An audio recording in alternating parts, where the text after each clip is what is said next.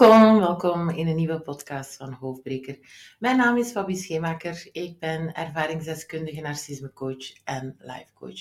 In mijn podcast neem ik jou mee in de wereld van narcisme, geef ik jou tools en inzichten hoe jij kan helen na narcistisch misbruik. Het geluk terugvinden in jezelf. Is dit mogelijk? Ja hoor. Weet, de narcist of narcisten die kun je niet veranderen. Maar jij wel. In navolging op mijn podcast De dochter van een narcistische moeder kreeg ik meerdere mailtjes binnen met de vraag: Fabi, wanneer breng je de podcast nu eens uit voor de zoon van een narcistische ouder? Wel, hier is hij dan. Alvast voor deze die een narcistische vader hebben. De podcast voor de dochter van een narcistische vader of de zoon van een narcistische moeder, die volgt dus nog. De, de vraag van vandaag is dus zoon zijn van een narcistische vader. Wat zijn de gevolgen voor jou als zoon? Nu, deze podcast opnemen, die wordt net iets anders dan de andere. En waarom? Omdat ik datgene wat ik altijd in mijn podcast deel, voor het grootste gedeelte, ik moet bijna zeggen altijd, zelf doorleefd heb. Maar ik kan echter moeilijk de zoon zijn van een narcistische vader. Dus wat ga ik doen? Datgene wat ik zal delen zijn dingen die gebaseerd zijn vanuit mijn ervaringen in de praktijk en de verhalen die ik hoor in mijn praktijk. Misschien een leuk weetje voor jullie, maar van alle mensen die ik op mijn stoel krijg in de praktijk, zijn meer dan de helft mannen. Weet je, op sociale media reageren vrouwen vaker dan mannen, naar mijn beleving. Maar in de praktijk merk ik dat mannen misschien minder snel de weg vinden naar sociale media, maar wel sneller hun weg vinden bij een narcismecoach. Nu, het kan in vakjes denken klinken, maar er ligt toch nog altijd een soort taboe op een man die misbruikt wordt door een vrouw dit is een aanval in de... Allee, ik bedoel, man door een vrouw. Ik weet, het gaat nu over een man en alleen de zoon en narcistische vader. Maar ik heb het gewoon algemeen. Hè. Wanneer een man te maken heeft met een narciste, een vrouw, partner, collega, noem maar op, dan uh, is dit nog steeds een soort van aanval in de mannelijkheid die mannen zo gezegd moeten hebben. In deze podcast ga ik echt in stereotypen praten. Dus echt man neerzetten als woe, man, man. Vrouw neerzetten als vrouw, vrouw. Dus ik ga echt in hokjes denken. Ik overdrijf hierin, alleen doe ik dit om mijn boodschap te kunnen duidelijk overbrengen. Oké, zoon van een narcistische vader. Wel, laat ik maar meteen met de deur in huis vallen. De dynamiek tussen een narcistische vader en een zoon, dat kan je vergelijken met het wereldkampioenschap boksen, waarbij de zoon uit drie opties kan kiezen.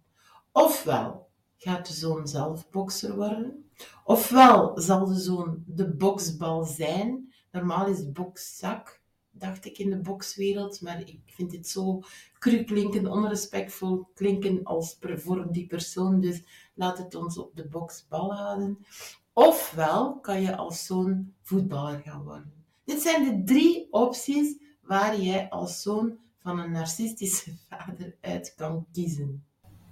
Nu, je zit niet standaard vast aan één type hoor. Je kan, gerust in, je kan je gerust in meerdere types herkennen. Toch zal de weegschaal altijd wel een beetje doorwegen naar een bepaald type. Als je zelf bokser wordt, voor de YouTube-kijkers eventjes tonen. Als je zelf bokser wordt, dan ga je het gedrag van jouw vader gaan kopiëren. Of je gaat jou net passief gaan gedragen. Nu, het kan dat jij door trauma jezelf hebt afgesloten van jouw gevoel en hierdoor zelf aan de NPS en narcisme persoonlijkheidsstoornis leidt. Het hoeft echter altijd niet zo extreem te zijn hoor. Het kan ook dat jij bepaalde gedragingen van je vader, dat je deze hebt overgenomen. Bijvoorbeeld agressief worden wanneer jij jou aangevallen voelt. Gevoelig zijn voor verslavingen, net zoals je vader. Drank, drank drugs, seks, geld, gokken. Maar het kan ook in de, naar de andere kant overslaan, zoals geld verdienen, succesvol zijn in wat je doet, tot nog een keer een stap verder uitblinken in de rol van slachtoffer. Zoals ik al in zoveel podcasts heb gezegd, er is een, een groot verschil tussen narcistisch gedrag vertonen en effectief de NPS hebben.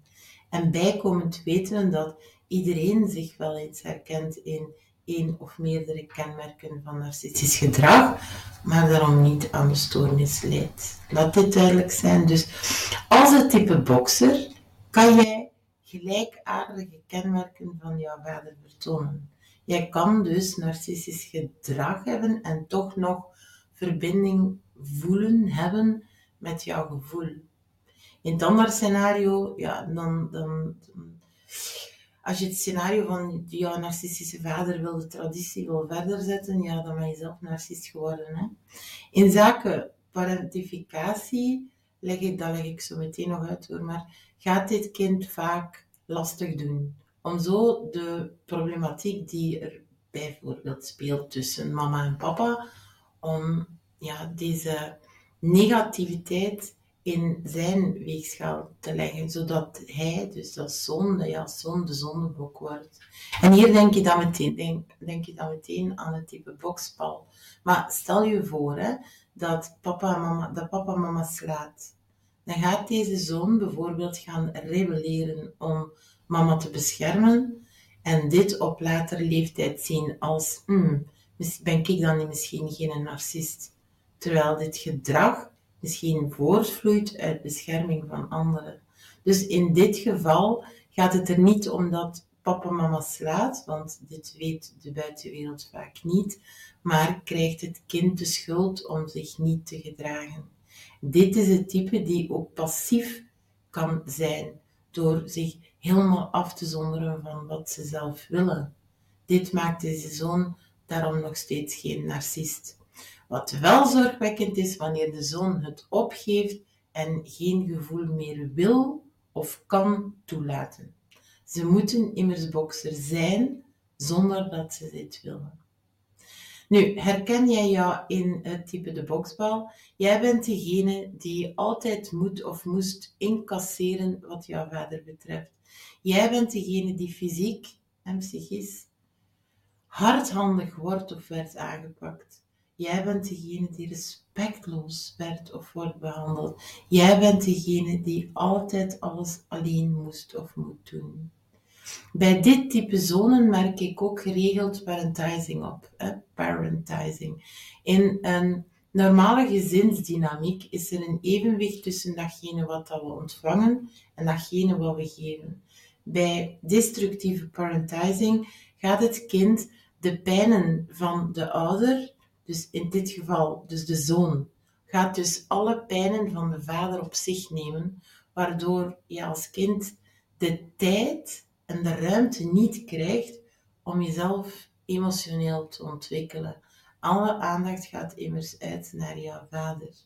Hier ontstaat dus het, het niet gehoord, het niet gezien en het niet geliefd worden, wat onderliggend jou vaak een gevoel van schuld kan geven. Heel vaak kan jij als kind dan ook, kan je als kind dan ook niet goed doen voor jouw vader, wat jouw schuldgevoel dan nog eens aansterkt, natuurlijk. Het ergste van dit alles is dat het voor een ouder, in dit geval dus jouw vader, dat het niet gaat om wie jij bent, maar wel om wat jij doet. En dit maakt een narcistische ouder hebben vaak zo schrijnend. Ik herhaal het nog eens in mijn zin. Het gaat niet om wie jij bent, maar wel om wat je doet. En deze zin omschrijft zo de impact van narcistisch misbruik op een prooi. Ofwel herken je jou in het type voetballer. Jij bent uit die boksering gestapt.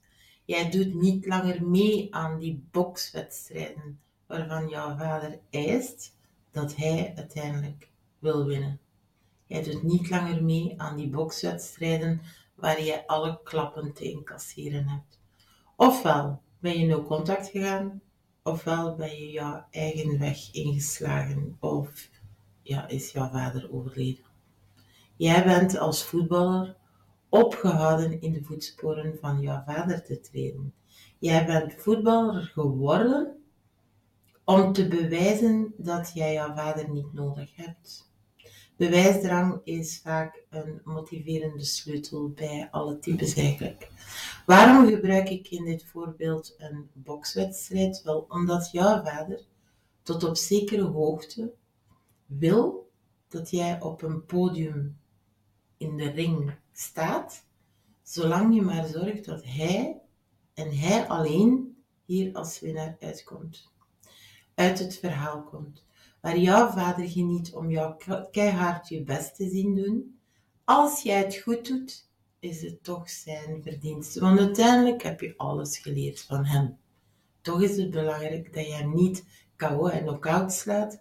Hij moet en hij zal er als winnaar uitkomen. En het gekke is dat in de aanloop van de wedstrijd het kan lijken dat hij jouw beste coach is. Hij bereidt je helemaal voor, alleen niet met het doel om jou de overwinning te gunnen.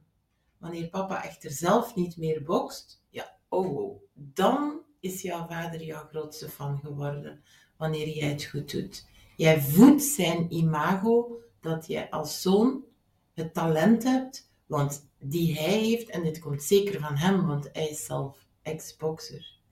Het draait bij narcisten altijd om zichzelf. Laat ons nu eens verplaatsen in het hoofd van jouw vader.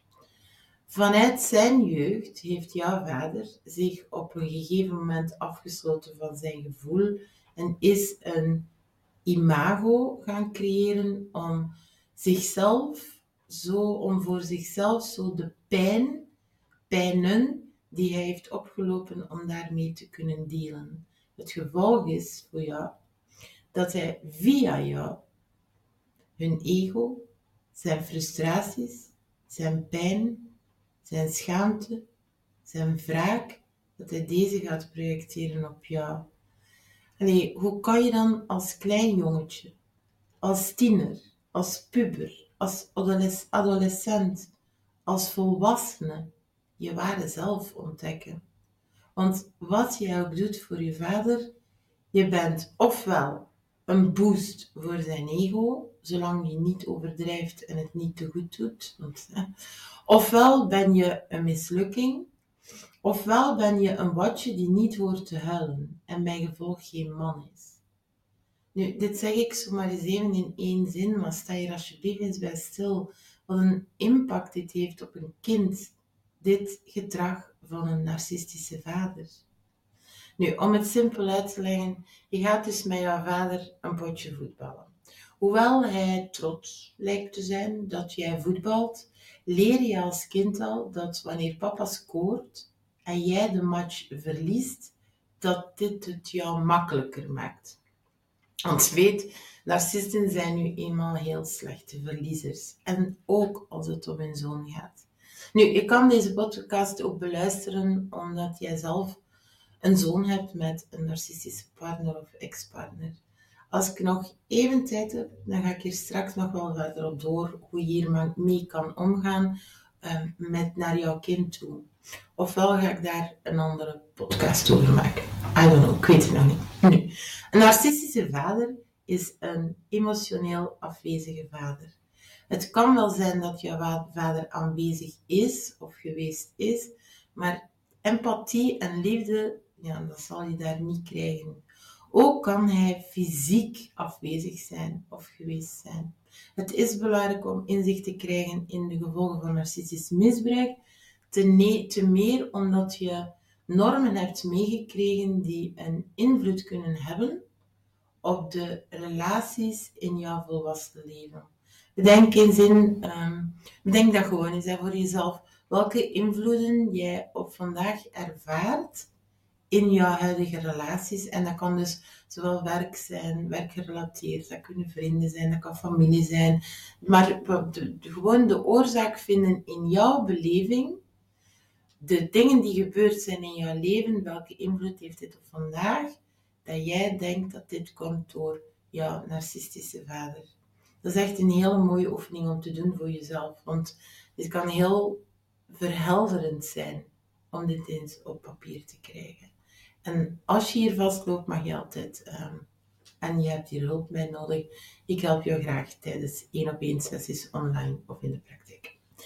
Ik zei al dat ik in vakjes ging praten. En wel, vaders die waren jaren geleden degene die hun gezin voorzien van geld, onderdak en voeding.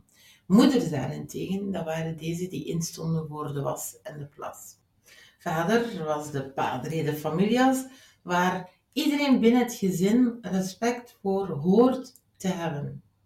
Dit is het beeld waar narcistische vader met hun zelfgecreëerd imago nog steeds aan verankerd zitten.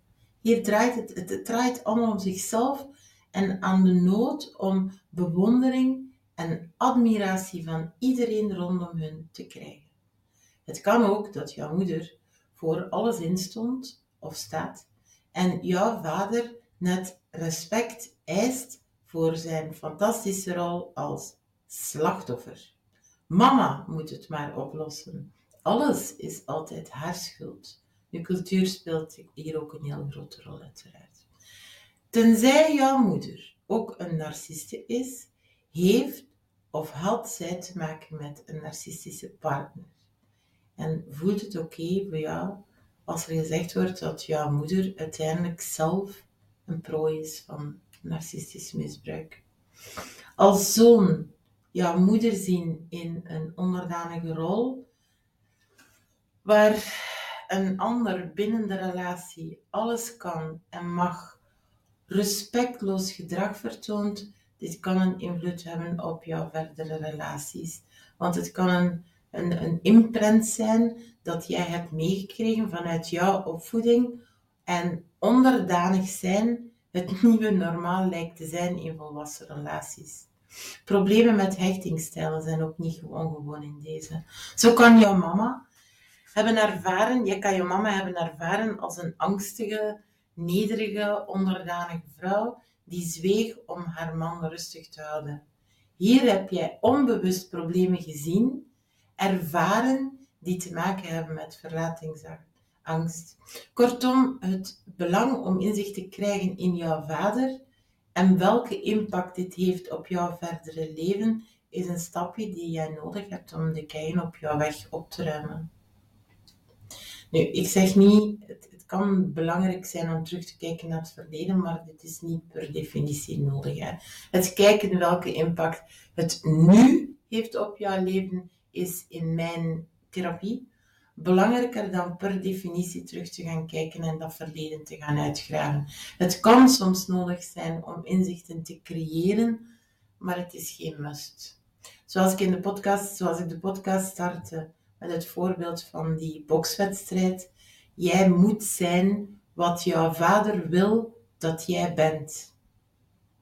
Doen we deze nog eens? Dus jij moet zijn wat jouw vader wil dat jij bent. We weten dat narcisme een persoonlijkheidsstoornis is. De narcist die heeft geen persoonlijkheid, maar een valse zelf. En hier loop je dan het risico een stoornis op te lopen.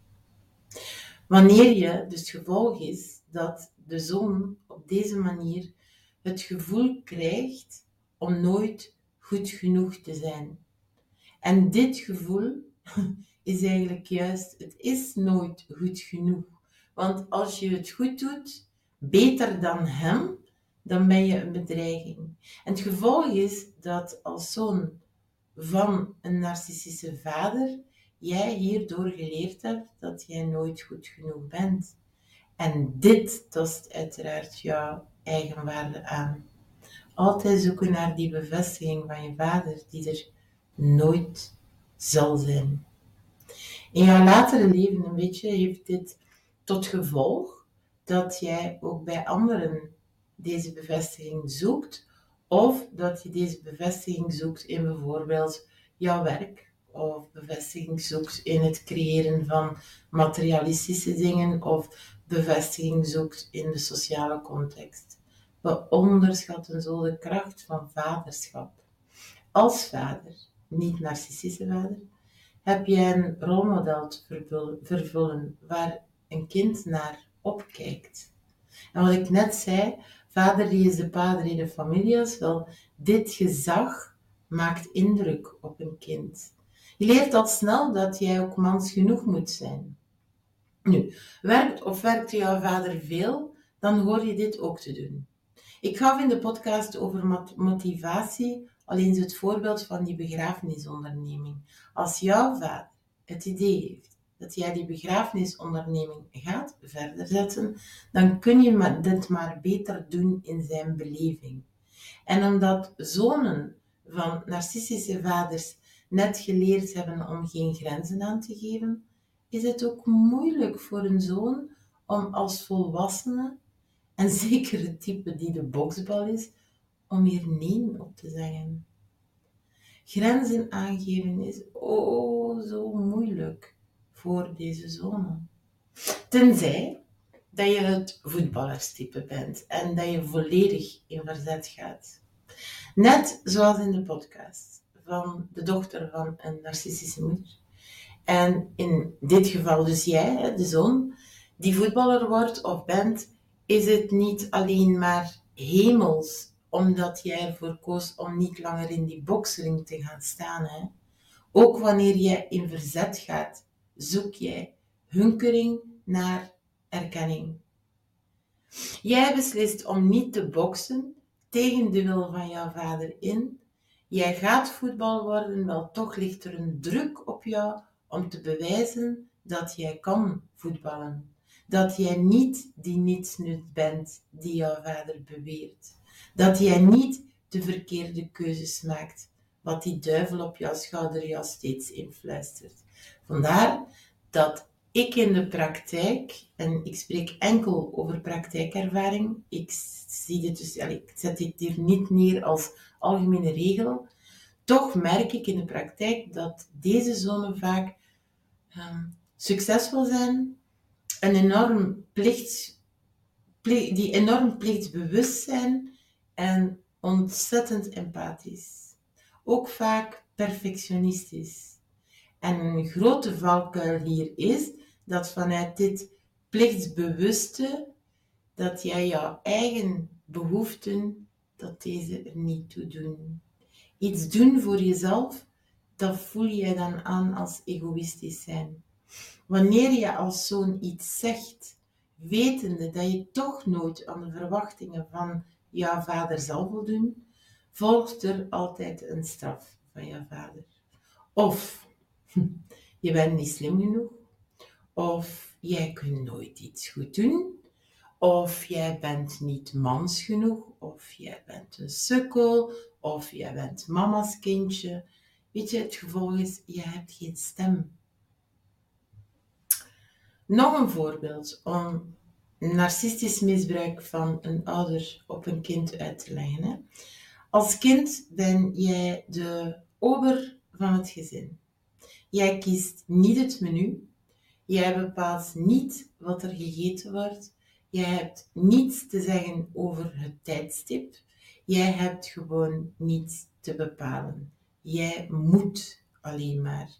Wanneer het eten en de bediening oké is, ja goed, dan is dat maar normaal. Hè? Maar wanneer je even te laat bent met het eten serveren, nee, ik noem maar iets, dan volgt een hele reeks beschuldigingen.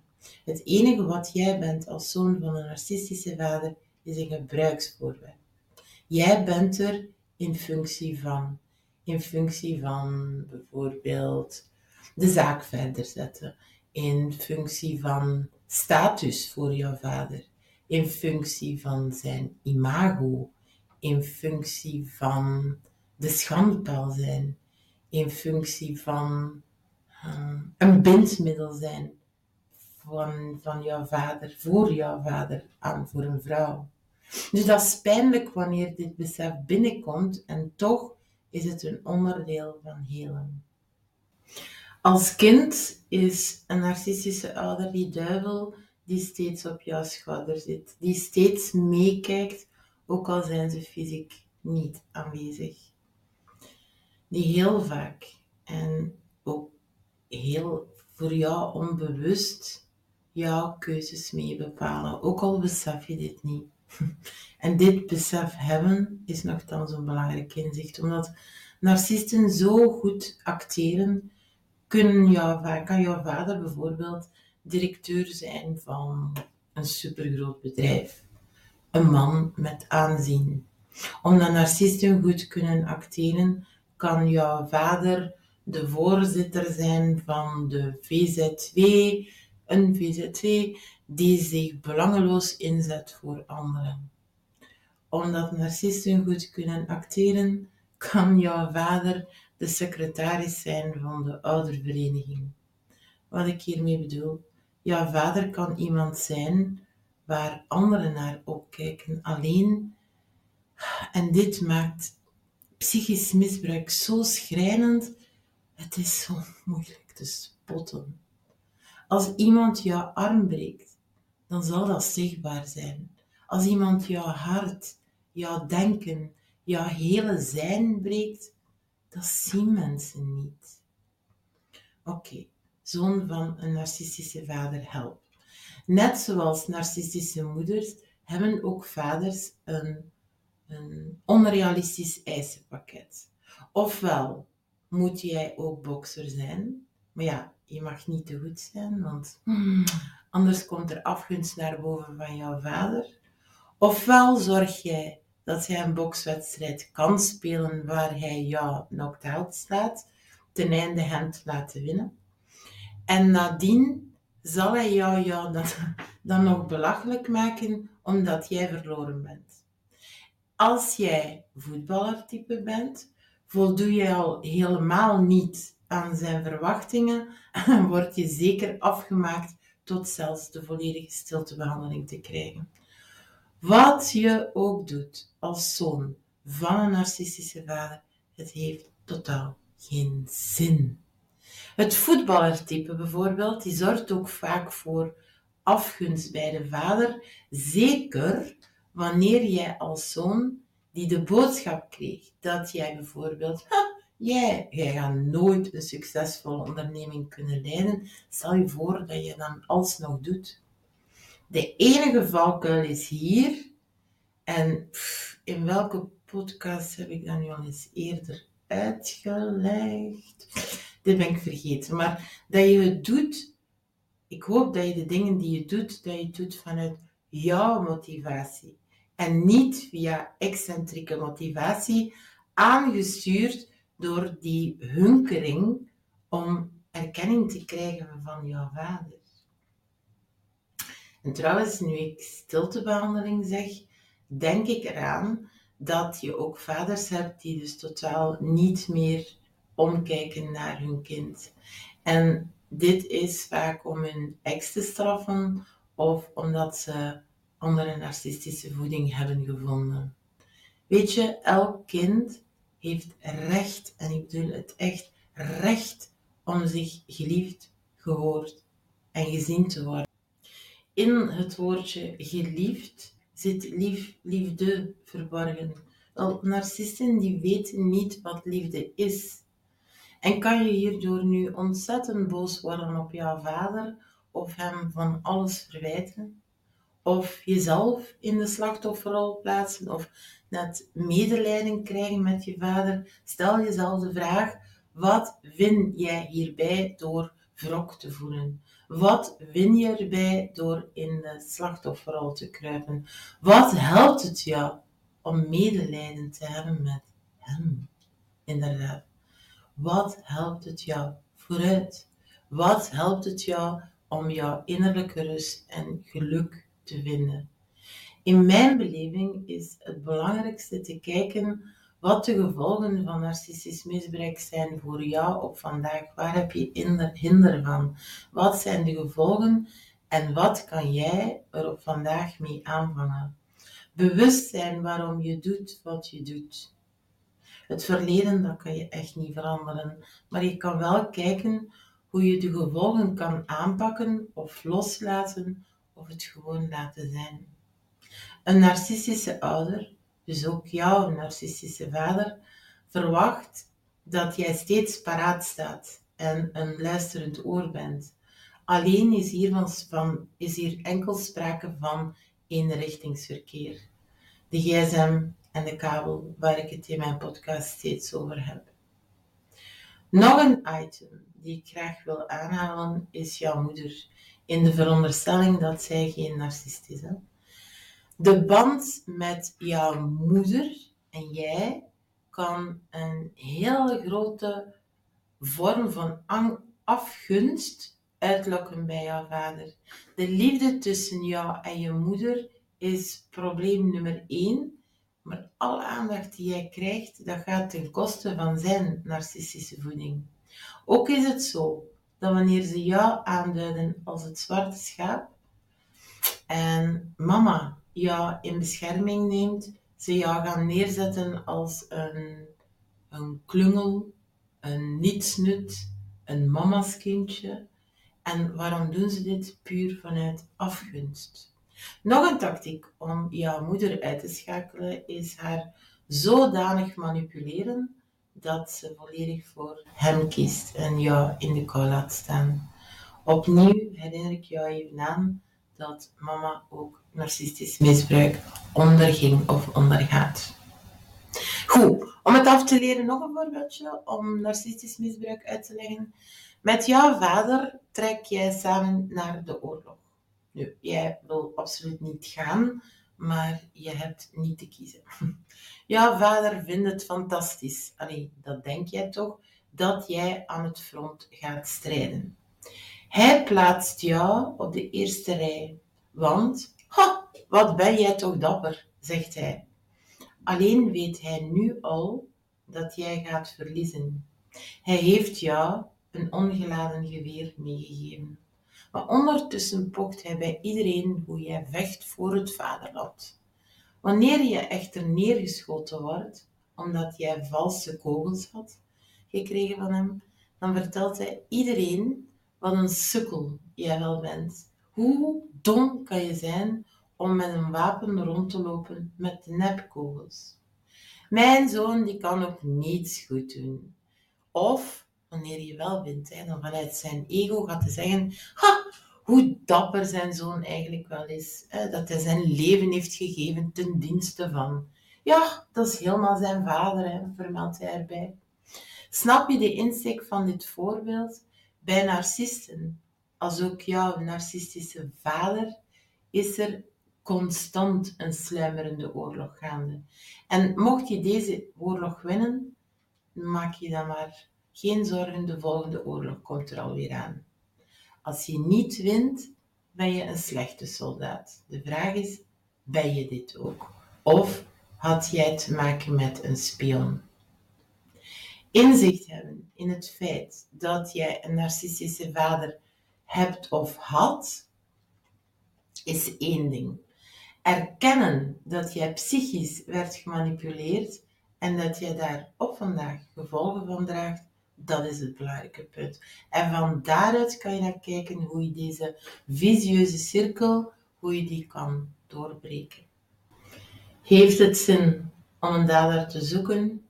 Of heeft het zin om de keien op te ruimen? En met keien opruimen bedoel ik dat je gaat kijken hoe jij, van, hoe jij op vandaag jouw weg zoekt in het leven. Ten einde narcisme niet langer jouw leven en geluk te laten beheersen. Je kan immers jouw vader niet veranderen. Heel gelijklopend met narcistische moeders is ook dat een narcistische vader jou ziet opgroeien naar een adolescent, een man.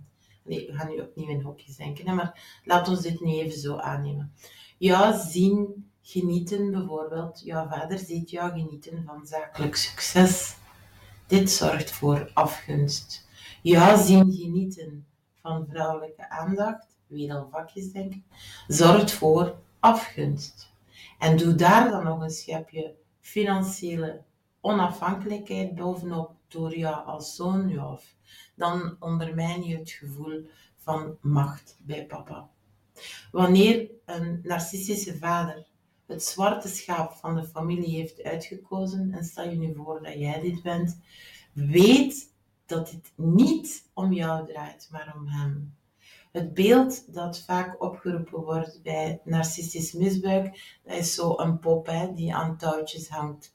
De marionet. Dus wel, dit komt voort vanuit het idee dat ze jouw lichaam en geest gebruiken om hun zelfgecreëerd imago in stand te houden. Papa die besluit, nog een voorbeeldje, papa die besluit dat jullie samen de auto gaan repareren. Hij doet dit mooi geëtaleerd voor de garagepoort, zodat iedere voorbijganger ziet wat een zorgende vader hij is. Alleen voor alles doen, bedoel, ik ga beginnen, alles doen dus voor het imago, uiteraard. Maar welke sleutel jij ook aangeeft aan papa, het is altijd de verkeerde. Vanuit hun eigen onzekerheid wakkert deze vader de onzekerheid van zijn zoon aan. Zeker het zwarte schaap. Elke mislukking bij zichzelf, waar je als liefdevolle, niet-narcistische vader jouw zoon die onzekerheid net niet wil meegeven, gaat een narcistische vader jou aan elke mislukking, dat klinkt nu groot, hè, maar ik bedoel, elk foutje die jij maakt, hij zal er jou doen aan herinneren. En wat ik daarnet al aangaf, dit is wat ik bedoel met die, die duivel die op jouw schouder zit.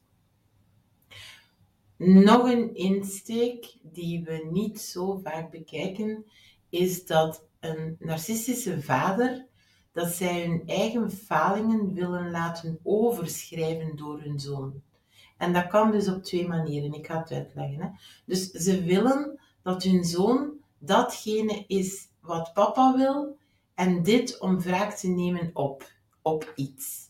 Of om hun fantasie bevestigd te zien door het succes van hun zoon. Dit wil dus concreet zeggen dat, de, dat het de narcistische vader geen vat kan schelen als zijn zoon faalt, zolang het maar gaat, zolang het maar binnen het plaatje van zijn ego past. Merk je dat als zoon van een narcistische vader dat je dan ook maar twee pistes kan uitgaan, ofwel deze van verzet, ofwel deze van de presteerder. Nu, ik vertel jou hoogstwaarschijnlijk niets nieuws als ik zeg dat succes zoals rijk zijn, beroemd zijn, de beste zijn en het, het ik ga nu de andere kant nog nemen, maar ook de beste zijn in het verpansen van geld, extreem opstandig zijn, een verlenging is of zeg ik beter, een, een, een bevestiging is van hun ego. De gevolgen van narcistisch misbruik door hun ouder zijn heel vaak um, schaamte, zelf, zelfbeschuldiging, um, slechte relaties, geluk najagen en het gevoel hebben om nooit goed genoeg te zijn, moeite hebben met grenzen aangeven, leven met angst, lichamelijke klachten hebben. Doe jij alles goed, dan nog is het nooit goed genoeg. En doe je iets niet goed, dan word je er zodanig aan herinnerd en dan ben jij een sukkel. De teleurstellingen van jouw vader, wanneer jij jouw eigen weg kiest, dan zal je dat wel zeker opmerken. Het kan zelfs dat jouw vader jou volledig gaat verbannen. De invloed van een emotioneel onbereikbare ouder die jou leert wat onvoorwaardelijke liefde is. Ga nu liefde, het woordje liefde zeg, krijg ik al de rillingen, want schrap maar dat woordje liefde. Want narcisten weten niet wat liefde is. Wacht, laat ik de zin opnieuw formuleren. De invloed van een emotioneel onbereikbare ouder, die jou leert wat, dat alles voorwaardelijk is, heeft hoe dan ook een invloed op jou als volwassen persoon. En eens je dit weet, wat dan? Wat als je nu eens start met in te zien dat jouw vader niet kan of kon veranderen? En is dit niet wat ik, waar ik elke podcast mee start en eindig? Ik had, ja, ik had eigenlijk gehoopt in deze podcast nog tijd te hebben voor jij die nu, luistert, die een zoon heeft met een narcist.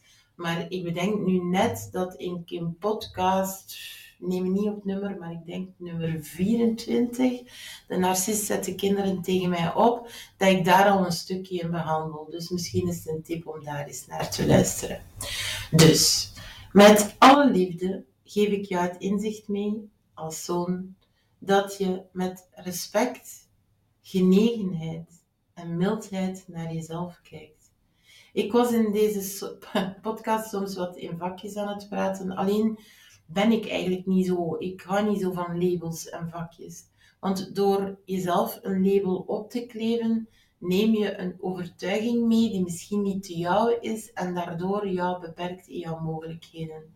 En ja, dat is dan weer een reden voor een nieuwe podcast. Ik kreeg ook mailtjes over de ontmoetingsdagen in mijn vorige podcast, dat tijdstippen en plaatsen, dat, dan, dat die niet zo duidelijk waren in mijn podcast.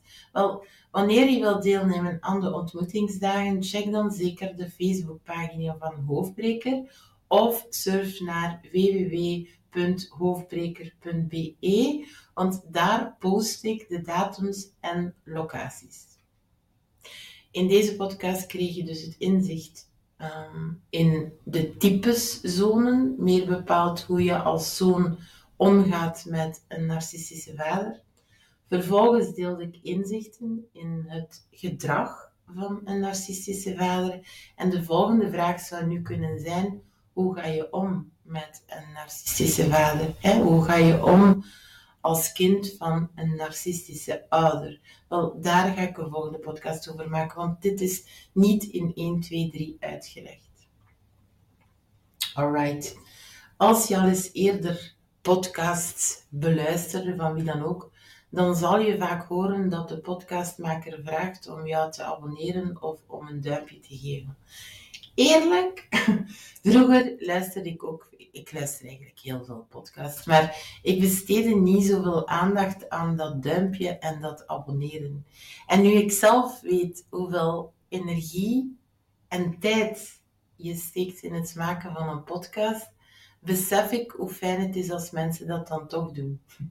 Dit duimpje en, en, en het aantal abonnees helpen het zo meer naar de voorgrond te brengen. Dit duimpje en de abonnees zijn net die vitamintjes die een podcaster nodig heeft om gepassioneerd verder te gaan. Wat ik nog even delen. Fijn dat je er weer bij was en tot de volgende. Bye bye. Ja, en ondertussen voor de trouwe luisteraars, die gaan dat al weten, eindig mijn podcast steeds met een quote. De quote van vandaag is: Wat als je de zin het maakt niet uit wie je bent, maar wel wat je doet, verandert in ik ben wie ik ben en het is helemaal prima dat ik doe wat ik doe, want ik ben het waard. En dikke zoen, dankjewel nogmaals voor het beluisteren en tot de volgende podcast. Bye bye.